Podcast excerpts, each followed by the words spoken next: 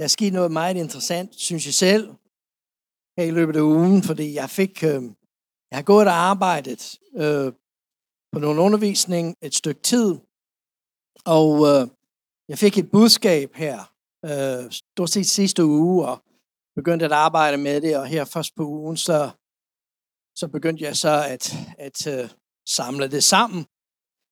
Og, øh, og det, jeg gerne vil tale om i dag, det er tanker. Og det sjovt er, at uh, i løbet af ugen, så er der kommet en to-tre stykker, som har haft et ord omkring vores tanker, uh, har fået et skriftsted eller et eller andet. Og det synes jeg er rigtig spændende, når Gud arbejder i blandt os på den måde, at han taler til os, at vi står sammen som fællesskab, at hans ord er midt i blandt os, at han, at han taler til os som et fællesskab. Han taler til os som en menighed. Og det, det synes jeg er bare den er spændende, men det er også livsstyrkende. Det styrker vores liv, det styrker vores hverdag. Og øh, vi lever jo i en tid, hvor, hvor vores tanker øh, er, er et emne, som vi snakker rigtig meget om. Og, øh, og det kan jeg stort set godt forstå. Og når vi taler om, at fra en bibelsk perspektiv, så tænker vi mange gange om vores tanker, de dårlige tanker, der kommer, det, der udfordrer mig, det, der holder mig tilbage eller holder mig nede. Alle de tanker, som vi har om tingene, vi har oplevet igennem livet, svigt, forkastelse, uret, det vi er blevet såret af. Og vi tænker mange gange i det retning, at, at vi skal vi skal få fat i dem på et eller andet måde, og så skal vi have dem ud. Og jeg vil gang, jeg var i gang med at arbejde med 1. kongebog kapitel 4, og det er der, hvor vi vil ende i formiddag. Men det er Salomo, hvor han, han begynder efter David er død, og han er blevet konge, så begynder han at danne et regering, og hvordan han vil styre Israel. Og øh, en af de ting, som, som begyndte, sådan et emne begyndte at komme frem, da jeg læste det, det var omkring tanker. Og så fik jeg jo straks, huskede jeg Paulus, der skriver til os i 2. Korintherbrev kapitel 10, hvor han skriver, at vores kampvåben er ikke værtslige, men mægtig for Gud til at bryde fæstningsværkerne ned. Vi nedbryder tankebygninger og alt, som trosser rejser sig mod kundskaben om Gud, vi gør enhver tanke til en lødig fange hos Kristus. Og det, der fangede mig, det der ved, at vi tager tankerne til fange, som at det kan blive en lødig fange hos os. At de tanker, som vi får, at selvom vi måske bliver ramt af noget, som vi ikke forventede, eller vi tænker, hvor kom den fra? At når vi lærer ved Helligåndens kraft at tage det til fange, så det kan være lødigt, så er det noget, der kan bruges til vores fordel. Det kan blive til vores styrke. Fordi Paulus han taler jo om, at vi nedbryder tankebygninger, at vi gør dem uvirksomme og ineffektive. Vi sætter dem ud af kraft. Vi skal ikke have lov til at styre. De skal ikke have lov til at have magt. Og vi gør dem til en lydig fange, hvor tanke skal rette sig efter det, vi tror på. Vores tanker skal rette sig efter det orden, som Gud har givet os. Så at vores tanker bliver vores styrke og bliver vores fordel. Og så er det rigtig godt at høre om Guds løfter og høre om alt det, som Paulus skriver om. Men så kommer jo spørgsmålet med det samme. Okay, men hvordan gør vi det? Hvordan tager jeg tankerne til fange? Hvordan arbejder jeg med mine tanker? Og hvordan skal jeg gøre det, som på en måde udfordrer mig? Hvordan skal jeg gøre det til at være noget, der kan blive til mit fordel? At det kan blive en velsignelse i mit liv. Og det er der, hvor den fjerde kapitel af konge, øh, kongebogen kommer i spil. Fordi her lærer vi, at kong Solomo. Og det synes jeg, at det er rigtig meget, som vi kan sammenligne os med fra hans tid i vores egen tid. Vores tid lener på mange måder Solomos tid. Salomo, han, han arvede kongeriget efter David. Og der havde aldrig haft så meget rigdom i Israel som på det tidspunkt. Vi lever i en tid i vores eget land, hvor vi har et overflod af alt. Alle vores diskussioner, alle vores, alle vores øh, problemstillinger, et eller andet sted, det har noget med, hvordan skal vi bruge alt det rigdom, vi har. Hvem skal have, hvem skal ikke have, hvad skal vi bruge mere, flere, flere penge på, hvad skal vi spare på. Er det ikke fantastisk, at vi har pengene, vi kan bruge til noget eller spare med? Der har aldrig været en tid, hvor vi har haft fred så længe. Og det er en af de ting, som har virkelig rystet os alle sammen. At lige pludselig så er krigen kommet så tæt på igen. Og det var det samme i Solomos tid. Under kong David, så var der krig i Israel. I min fred i Israel, der var ikke krig. De havde haft fred i lang tid. Der havde aldrig været en tid i Israel, hvor de havde så mange rettigheder. Vi har så mange rettigheder, at vi går op. Vi går ikke op i andet end alle vores rettigheder. Bare spørg mig, så ved jeg, hvad mine rettigheder er. Og hvad jeg har ret til. Og vi har aldrig haft så mange muligheder, som vi har nu. Vi har aldrig haft så mange muligheder for at vælge, hvordan vi gerne vil leve, hvordan vi vil gerne arbejde, hvilken uddannelse vi, vi får. Det kan være svimlende at se så mange tilbud, som der er i dag, og hvad man kan blive. Og i første kongebog, 4. 4. kapitel, så læser vi om, at Salomo på det tidspunkt, han organiserer regeringen i Israel. Og der er kun 20 vers, og det ender med i vers 20, at judæerne og israelitterne var så talrige som sandet ved havet. Og de spiste, og de drak, og de var glade. Det gik dem godt. De havde ingen rigdom, de havde fremgang, de havde muligheder, de havde rettigheder. Men alligevel ved vi, at de mistede alt. Og da jeg læste den fjerde kapitel, så var der bare noget, det ikke stemte. Og jeg ved godt, jeg er en nørd, og jeg indrømmer det. Og jeg ved også godt, det går ud over jer. Og det er jeg ked af nogle gange. Men tillad mig bare en lille ting. Jeg læste kapitlen igen og igen og igen, og der var bare noget, der ikke stemte. Jeg kunne ikke få det til at hænge sammen. Og så jeg læste det og læste det, og på et tidspunkt, så ramte det mig. At i den syvende vers, så står der, det var sådan, at Salomo, han organiserede sig regeringen på den her måde. Han havde nogle store mænd, som var omkring sig. Og så havde han øh, øh, guvernører ud i landet, der skulle så forsøge ham, forsøge ham med alt det, han havde brug for. Og der står i den syvende vers af 4. kapitel, at han havde 12 guvernører. Men der står ikke, hvor mange stormænd han havde. Og lige pludselig så, så ramte det mig, og jeg spurgte mig, hvor mange stormænd havde han så? Jamen, så gik jeg så tilbage, og jeg lag, og jeg talte sammen, og han havde 11 stormænd. Han havde 11 stormænd og 12 guvernører. Og det var det, der udgjorde hans regering. Hvad er det? Hvorfor er det interessant? Her kommer nørreriet. Fordi vi ved, at 12, det er den perfekte nummer for Israel. Der er 12 stammer i Israel, der er 12 discipler. Men han havde kun 11 stormænd. Og når du rører det sammen, så giver det 23. Og 23 er dødens tal for Israel. 24. Hvis han havde haft 24 stormænd, så at der havde været 24 store mænd og 24 guvernører, så ville han have 24 i regeringen. Og 24, det er hebru, øh, det hebraiske for præsteskab.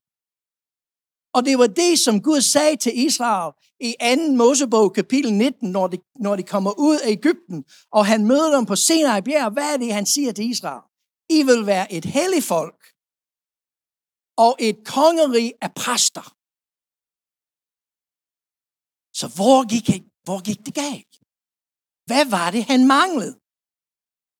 Hvem, hvor var den 12. Hvad var det, det manglede? Salomo. Hvorfor gjorde du det, du gjorde? Så jeg begyndte jeg så at grave ned og finde ud af, hvem valgte? Ved du, hvem det var, som han ikke havde med? Profeten. Han havde ingen profet. Han havde venner. Han havde præster. Han havde øh, kasserer. Han havde sekretær. Han havde alt. Men han havde ikke profeten med. Jeg siger, profeten er det, som kommer med Guds ord, som vi ligger os ind under. Vi indordner os. Det er derfor fællesskabet, fællesskabet i din menighed er så vigtigt. Fordi vi indordner os hinanden som en tegn på respekt, så at Gud kan profetisk tale til os. Og det var det, som han ikke tog med. Kan du huske, hvad der skete med Bathsheba og David? Hvem var det, der kom til David? Det var profeten. Og det var profeten, der fortalte David den historie. Og David, han sagde, hvem det nu er, han skal betale, og profeten sagde, manden, dig. Og David faldt på sin knæ, og han omvendte sig. Der var ingen mulighed i Solomos regering for kongen at omvende sig. Og vi ved, hvordan det gik. Og jeg synes, det er meget interessant i vores eget tid, hvordan det er, at alt kan diskuteres, og alt skal give plads til. Men den profetiske tjene midt i blandt os, når vi står sammen, og vi lægger hænderne på hinanden, og vi beder for hinanden, når Gud giver os et ord til opmundring, til opbyggelse, som mange gange bliver glemt. At give tid til, at den hellige ånd kan tale til os. At tungetaler kan blive givet. At Gud har lov til at tale ind i vort liv, bliver skubbet til siden. Men det er der, hvor vi hører det, vi har brug for at høre.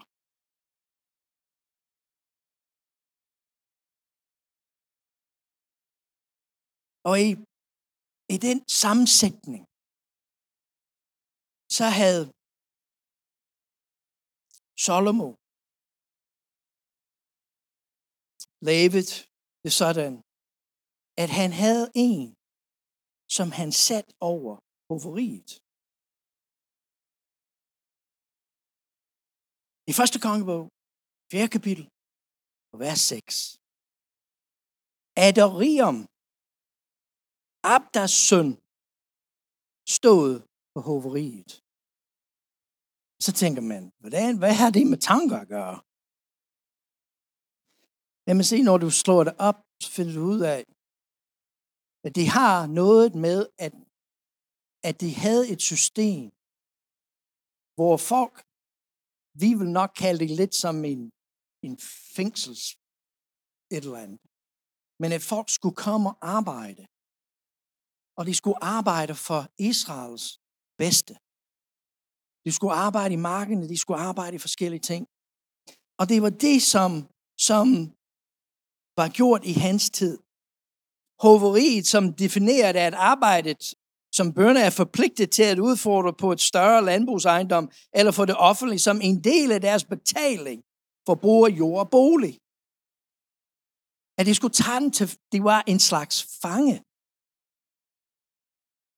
At kong Salomo han tager en og sætter ham over det, som en signal eller som en afdeling af hans regering, at det var ham, der havde ansvar for alt det, det skulle tages til fange.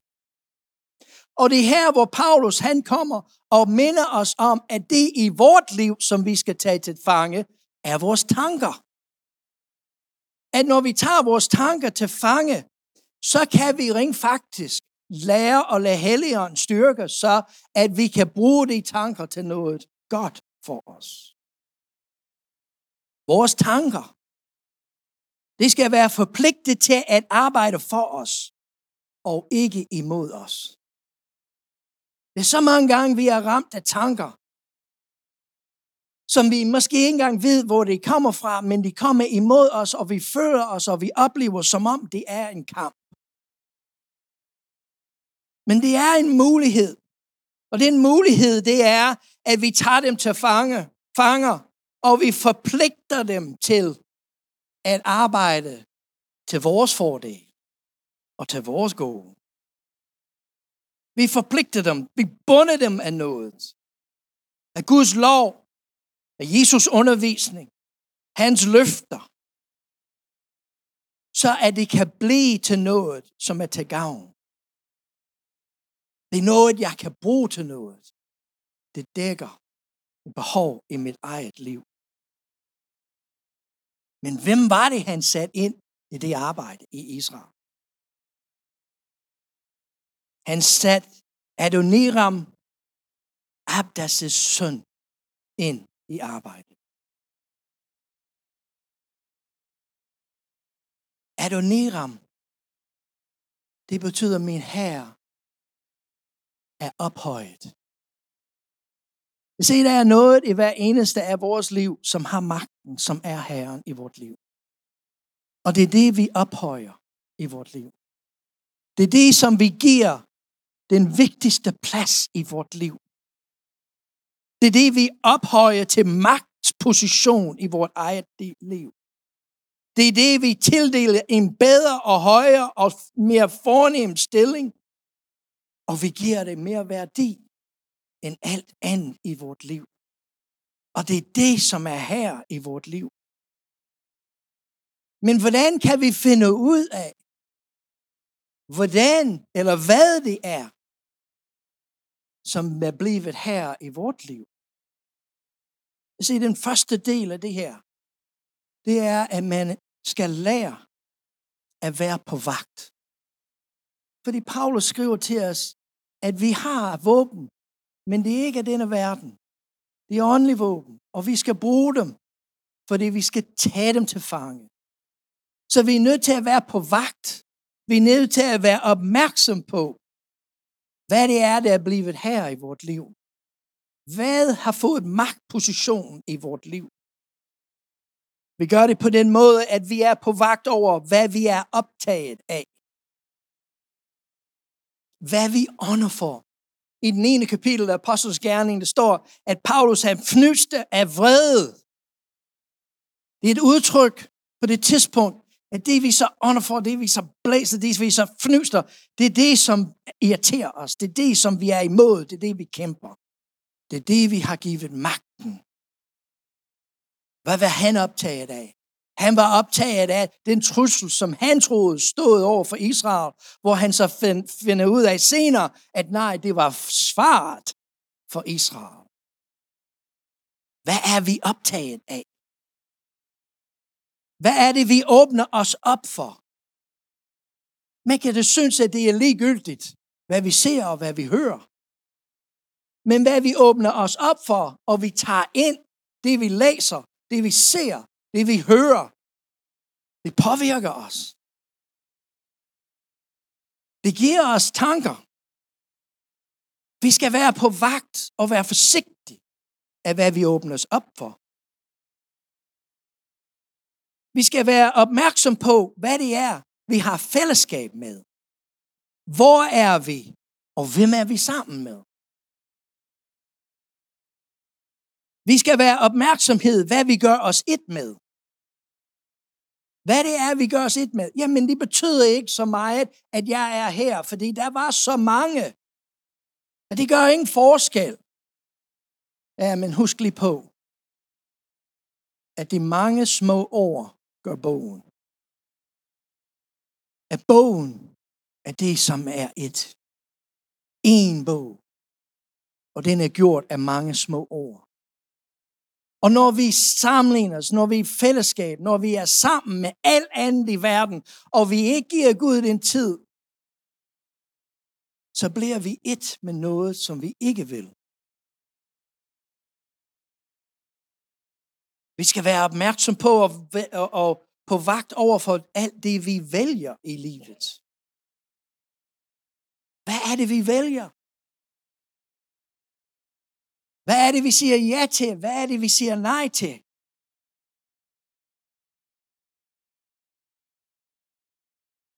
Hvad er det, det giver os en løft i hverdag? Hvad er det, det gør, at vi har det godt, eller vi tror, vi har det godt?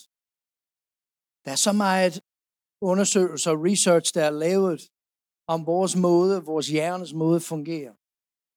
Og rigtig mange ting, som vi kæmper med i dag, psykologisk set, er fordi vi ser eller hører noget, der udløser dopamin i vores hjerne, som giver os den oplevelse af fred. Det dæmper smerter. Chokolade er en af dem. Så nu ved I, at I har et stort problem her. Og jeg skal have meget dopamin. Ellers kan jeg ikke komme igen dagen. Men det er utroligt at stoppe op og se, hvad er det, jeg gør? Næsten ubevidst i løbet af dagen, bare for at finde lidt fred. Bare at finde bare to minutters stillhed. Går jeg på nettet og ser et eller andet, eller hører jeg et eller andet? Det er vigtigt for os, at hvis vores tanker skal arbejde for os, at vi er opmærksom på, hvordan vi tillader, at tanker kommer til os.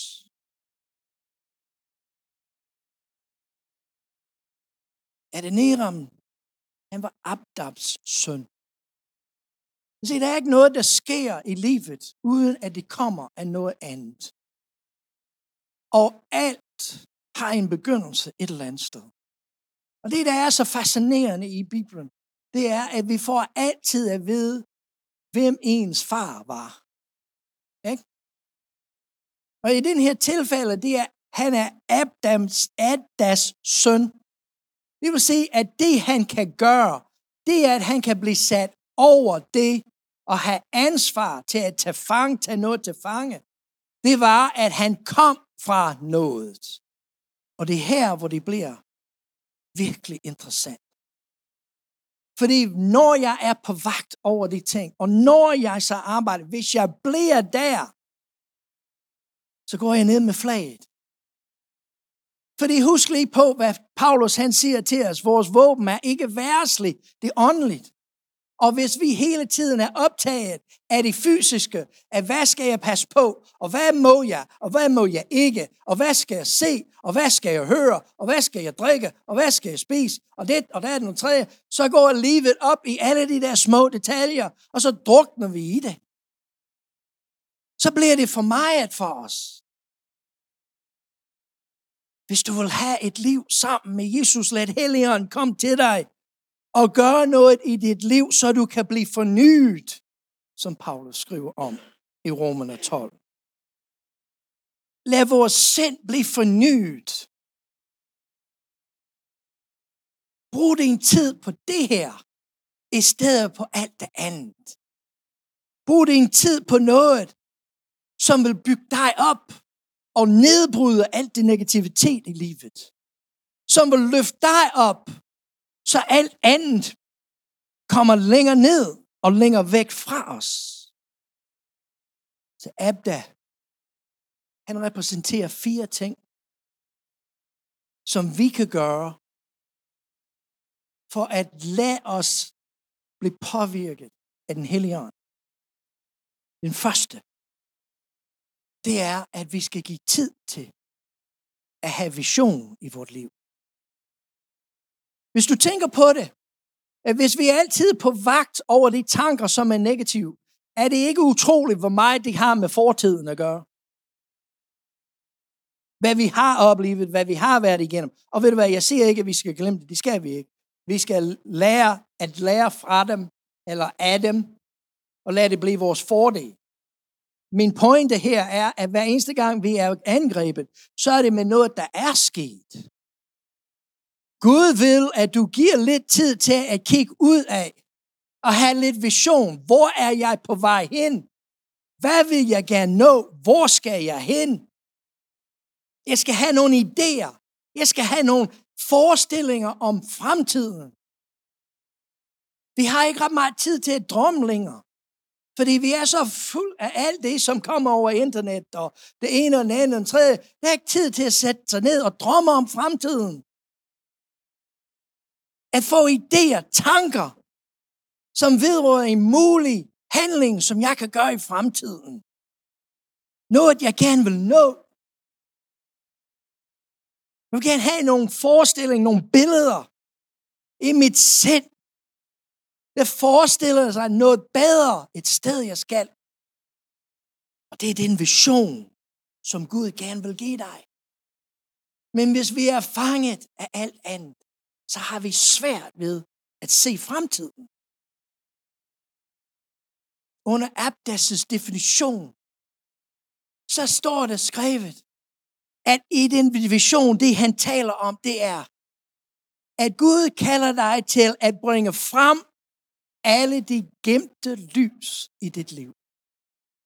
Det synes jeg var fantastisk. Det skulle jeg så læse nogle gange. Gud, hvad mener du? Har du nogensinde tænkt på, at på pinsedag, hvad var det, der skete? Hørte en mægtig vind, og hvad så? Så så det tunger af ild. Og det satte sig over dem alle sammen. Helligånden kommer over os, og det er Guds ild, det er hans kraft. Men det tænder tusind lys i vort liv. Hvor mange af de lys har vi gemt væk? Hvor mange af de lys kan vi ikke finde? Gud vil, at du tager lidt tid at tage nogle af de lys, som stille og roligt brænder, frem igen og lad dem blive set. Nummer to.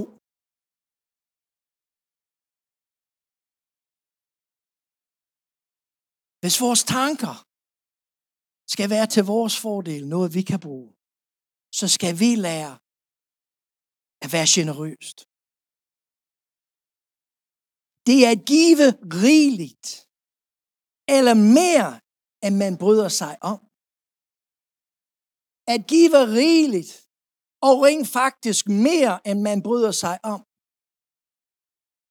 Jamen, jeg har ikke rigtig tid til at snakke nu. Men måske skulle vi give rigeligt, og lidt mere, end vi bryder os om. Ikke kun over for hinanden, men dem vi møder i hverdagen. At det er en livsstilling, indstilling. Det har ikke noget med penge at gøre. Det har med vores indstilling at gøre. Hvem er jeg som menneske? Hvis du lærer at være generøs, hvis du lærer at begynde at give mere, end du måske har lyst til, det er der, hvor du oplever Guds storhed. Det er der, hvor vi oplever, at han er større end alt det, vi står overfor. Det har, vi har svært nogle gange at kunne lige forestille os. Men Jesus, han siger i Lukas 6, giv, så skal det gives jer. Giv, så skal det gives jer. Jamen Gud, jeg har brug for forståelse. Men så giv det og give det langt ud over det, du synes er nok. Jamen Gud, jeg vil gerne, at der er nogen, der hører på mig. Så lyt til en langt over det, du måske har lyst til. Og hvis vi gør det, det er der, hvor velsignelse kommer til os. Et godt, presset, rystet, topfuldt mål. Skal man give jer i favnen, for de mål, I måler med, så skal I så få tilmod. Husk lige på, passagen der, som Jesus underviser, det har med at dømme andre at gøre.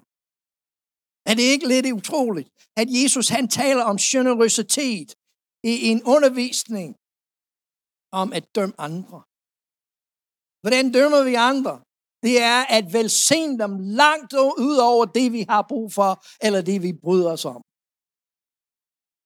Jesus siger til os, at dem, som er imod jer, dem skal I bede for at velsigne. Fordi så vil din Gud velsigne dig. Den tredje, som vi skal gøre som en del af vores liv, som vil hjælpe os tage vores tanker til, til fange og kan bruges til vores fordel, det er ydmyghed og lære respekt i livet. At anerkende andres værdi, status og vigtighed er noget af det vigtigste, vi kan lære. At Gud skaber værk i andre er det, vi lærer af. Jeg synes, det er altid så fascinerende. Og jeg elsker det mere end noget andet, at sætte mig ned sammen med jer under en samtale og høre jeres historie. Og der er så mange gange, at folk kommer til mig, fordi de har et problem, og de vil gerne høre, hvad jeg har at sige som præst. Og det vil jeg gerne gøre. Men jeg har sagt så mange gange, jeg lærer så meget mere om Gud med at høre på de mennesker, der kommer til mig, end jeg nogensinde kunne gøre på en anden måde. Fordi de kommer med problemer. De kommer med ting, de kæmper med. De kommer med alt det, som ikke fungerer. Og i det finder vi sammen, at Gud han er større end alt det, vi står overfor. At hans nåde og hans kærlighed går langt ud over, hvad vi kan forestille os. At vi anerkender. At vi accepterer. Hvad Gud vil i vort liv. At vi giver os tid til at forstå, hvordan Gud han arbejder. Søg først Guds rige og hans retfærdighed. Og så skal alt blive givet jer. Lær, hvordan Gud gør tingene. Lær, hvordan Gud tænker. Så vil alt andet blive givet jer. At vi erkender, at det er sandt og berettet. At vi forstår det. Og vi kan acceptere det. Jesus han underviser os videre i Lukas 6, at som, vi, som I vil, at mennesker skal gøre mod jer, så skal det jo gøre mod dem. At hvis vi ikke giver folk lov og mulighed og rettighed til at være, så kan vi aldrig gøre noget for dem. At respekt for hinanden, respekt for Gud, er det fundamentalt, grundlæggende vigtigt, hvis vi skal tage vores tanker til fange. Den fjerde og sidste. Det vi skal arbejde på, og det vi skal give tid til, det er at lade Gud bygge håb og tro op i vores liv. Der er rigtig mange mennesker i denne verden, vi lever i, der har ingen håb.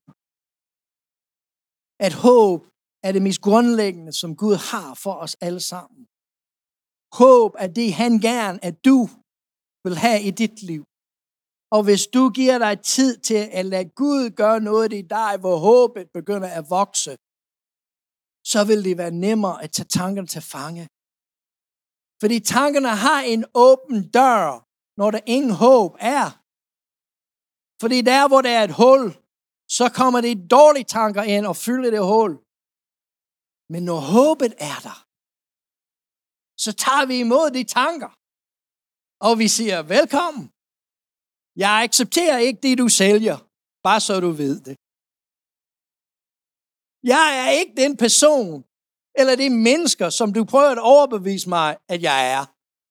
Jeg er rent faktisk et helt nyt væsen. Jeg er blevet frelst. Jeg er blevet renset. Men kom bare ind, fordi jeg vil gerne fange dig, for jeg har brug for dig. Fordi nogle gange så glemmer jeg, hvem jeg er, og skal lige høre så jeg kan huske, hvem jeg er. Fordi jeg vil bruge dig i tanken. til at garantere, at håbet aldrig forsvinder fra mig. Det er min fordel, at Gud kan og vil skabe noget ud af ingenting. Okay, tanken. Det er dig, der er kommet ind og sagt, du er ingenting værd. Jeg tager dig til fange, og du sætter dig der. Og i det øjeblik, hvor jeg mister lidt håb, så hører jeg, tanken, hvad siger du? Ah, jeg er ingenting, men hey, Gud han kan skabe noget ud af ingenting. Det er der, hvor du har en fordel. Det er der, hvor din tanke er taget til lyd i fangen. Det er der, hvor de skal arbejde for dig, og du arbejder ikke for dem. Det er der, hvor de kan gøre et forskel i dit liv. Fordi Gud kan og vil skabe noget ud af ingenting. Han vil, at vi lærer at forvente, at han vil gøre noget. At vi lærer at regne med det. At vi lærer at regne med ham. At vi begynder at forvente, at noget godt vil ske, eller komme ud af det, jeg står midt i. At noget godt vil komme ud af det. Noget brugbart vil komme ud af det. At det vil bygge mit håb op, så at jeg kan se fremtiden. Så at jeg i min ydmyghed bliver respekteret af Gud, og jeg kan respektere andre. At generøsitet kan vokse. At jeg kan forvente, at noget godt vil ske. Fordi håbet, det giver os tro. Og tro er fast tillid. Til det, der håbes på overbevisning om det, der ikke ses. Se, nøglen til livet er ikke i alt det, vi kan se. Det er verdens forklaring på lykke, på fremgang, på succes. Hvem er det? Hvor mange penge tjener du? Hvilken uddannelse har du? Hvor bor du? Hvad kører du i? Alle de der ting er verden skabt for at give os værdi. Men troen, troen, det er fast tillid til det, der håbes på. Fast tillid til det, der håbes på. En overbevisning om det, jeg ikke kan se. At jeg ikke kan se det. Se, du bliver et stærkt menneske. Du bliver et lykkeligt menneske i det øjeblik, hvor du kan stole på det, du ikke kan se. Fordi det er ikke den måde, verden er skudt sammen på. Men når du kan stå fast på, at Gud har sagt, og han har lovet, og han vil gøre, og ja, jeg ved godt, jeg har ikke set det endnu, men jeg regner med det, fordi han er min Gud, og han er min far. Og han er langt ud over alt, jeg kunne forvente. Han er altid en mere. Han er den, som er den største. Da Jesus han møder Jairus og beretning om kvinden med blødning og Jairus' datter. Det bliver det en af de mirakler, som er givet i Markus, i Matthæus og også i Lukas. Men i Markus, så, så, så står der noget i den 36. vers, som jeg synes er rigtig, rigtig godt. At Jesus, han, ja, Jesus, han er, han er Jesus og, og, og står der og snakker, og så der, det kommer så til Jairus og siger, lad være med at komme, gå videre, fordi hun er død. Og der står, men da Jesus hørte, hvad der blev sagt, sagde han til synagogforstander, frygt ikke, tro kun. Frygt ikke, tro kun. Jamen, hun er død. Det er det, jeg kan se. Det er det, jeg kan regne ud. Det er det, jeg ved. Og Jesus eneste svar til ham var, eneste svar, frygt ikke, tro kun. I se, grunden til, at Jesus siger det til Jairus, er ikke fordi, vi kan forvente, at alle, der dør, bliver oprejst igen. Det er ikke det, han siger til Jairus. Han siger til Jairus, Jairus, frygt dræber håb. Frygt dræber håb. Frygt ikke, så at håbet kan vokse. Frygt ikke, så at troen kan styrkes. Tro, øh, Frygt ikke, så at du kan blive større. Og de forestillinger om fremtiden kan blive det, som Gud vil, at du skal opleve. At de billeder, vi har, at der, hvor vi vil hen, er der Jesus, han leder os. Lad Helligånden viser dig gode billeder i dit sind. Far i himlen, vi takker dig. Vi priser dig for din storhed. Gud, vi takker dig, vi priser dig, fordi du har skabt os. Ud af ingenting har du skabt os. Du har givet os liv. Du har givet os fremtid. Gud, i dig har vi håb. Og Gud, vi vil gerne lære livet, som du har skabt det. Ikke som verden har lært os. Far, giv os en vækkelse af en, en fornyelse af sindet ved Helligåndens magt og kraft. Jesus, det er derfor, vi beder så mange gange, send Helligånd over os. Udgyd din Helligånd over os, så vi kan blive fornyet. Så vi kan se vort liv og vores verden, som du ser det. Som du oplever det. Som Gud har skabt det. Så at jeg forstår, at hvad andre ser er ned, er rent faktisk op for dig at det, som er venstre, er rent faktisk højre for dig. At den måde, du har skabt livet på, det er der, hvor jeg finder lykke. Det er der, hvor jeg finder en fremtid. Far, det er der, hvor jeg finder en vision om fremtiden. Det er der, hvor jeg kan se, hvor du vil med mig. At du åbner op for dine mange muligheder. At du velsigner mig. At alle de lys, som du har tændt i mit liv, kan komme frem og oplyse mig og alt omkring mig. Far, gør det for os alle sammen. For jeg takker dig. At når vi er fornyet, at generøsitet det vokser ud af os. Fordi vi vil så meget give til andre. Vi vil være noget for andre. Far, at respekten vil vokse for os alle sammen. Og far, vi lever i et verden, som, har, som er så optaget med at ikke respektere. At alle skal holde på sit ret. Men far, gør os til dem, som respekterer alle. Så at vi kan finde den, det respekt, som vi har brug for. Den anerkendelse, som vi længes efter. Det er anerkendelse, som fortæller os, at vi er dine børn. Åh, oh, far, gør det for os.